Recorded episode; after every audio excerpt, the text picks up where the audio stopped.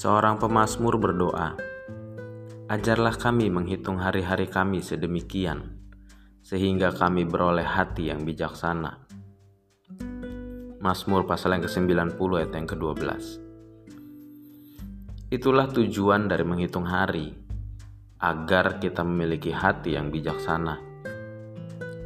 Hati yang bijak menyadari bahwa segala sesuatu yang ada pada kita bukanlah milik abadi, melainkan hanya sementara yang patut kita hargai.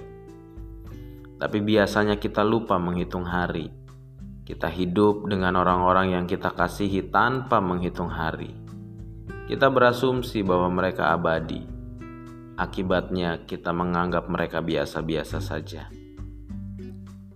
Seringkali yang nampak hanya keburukan mereka saja, namun kebaikan mereka jarang kita lihat. Hingga tiba pada suatu saat kita tersentak, waktu hampir habis, lalu kita mulai menghitung hari. Ternyata mereka yang kita kasihi itu tidak ada duanya. Mereka mempunyai kebaikan yang tidak dimiliki oleh orang lain.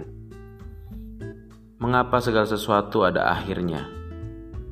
Supaya kita belajar menghargai Segala sesuatu yang terus-menerus ada menjadi kurang bernilai. Namun, ketika semua ada akhirnya, maka sesuatu menjadi bernilai.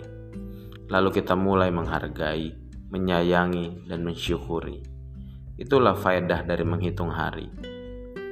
Sebentar lagi kita akan mengakhiri 2020. Selamat menghitung hari, selamat menjadi bijaksana. Tuhan memberkati kita.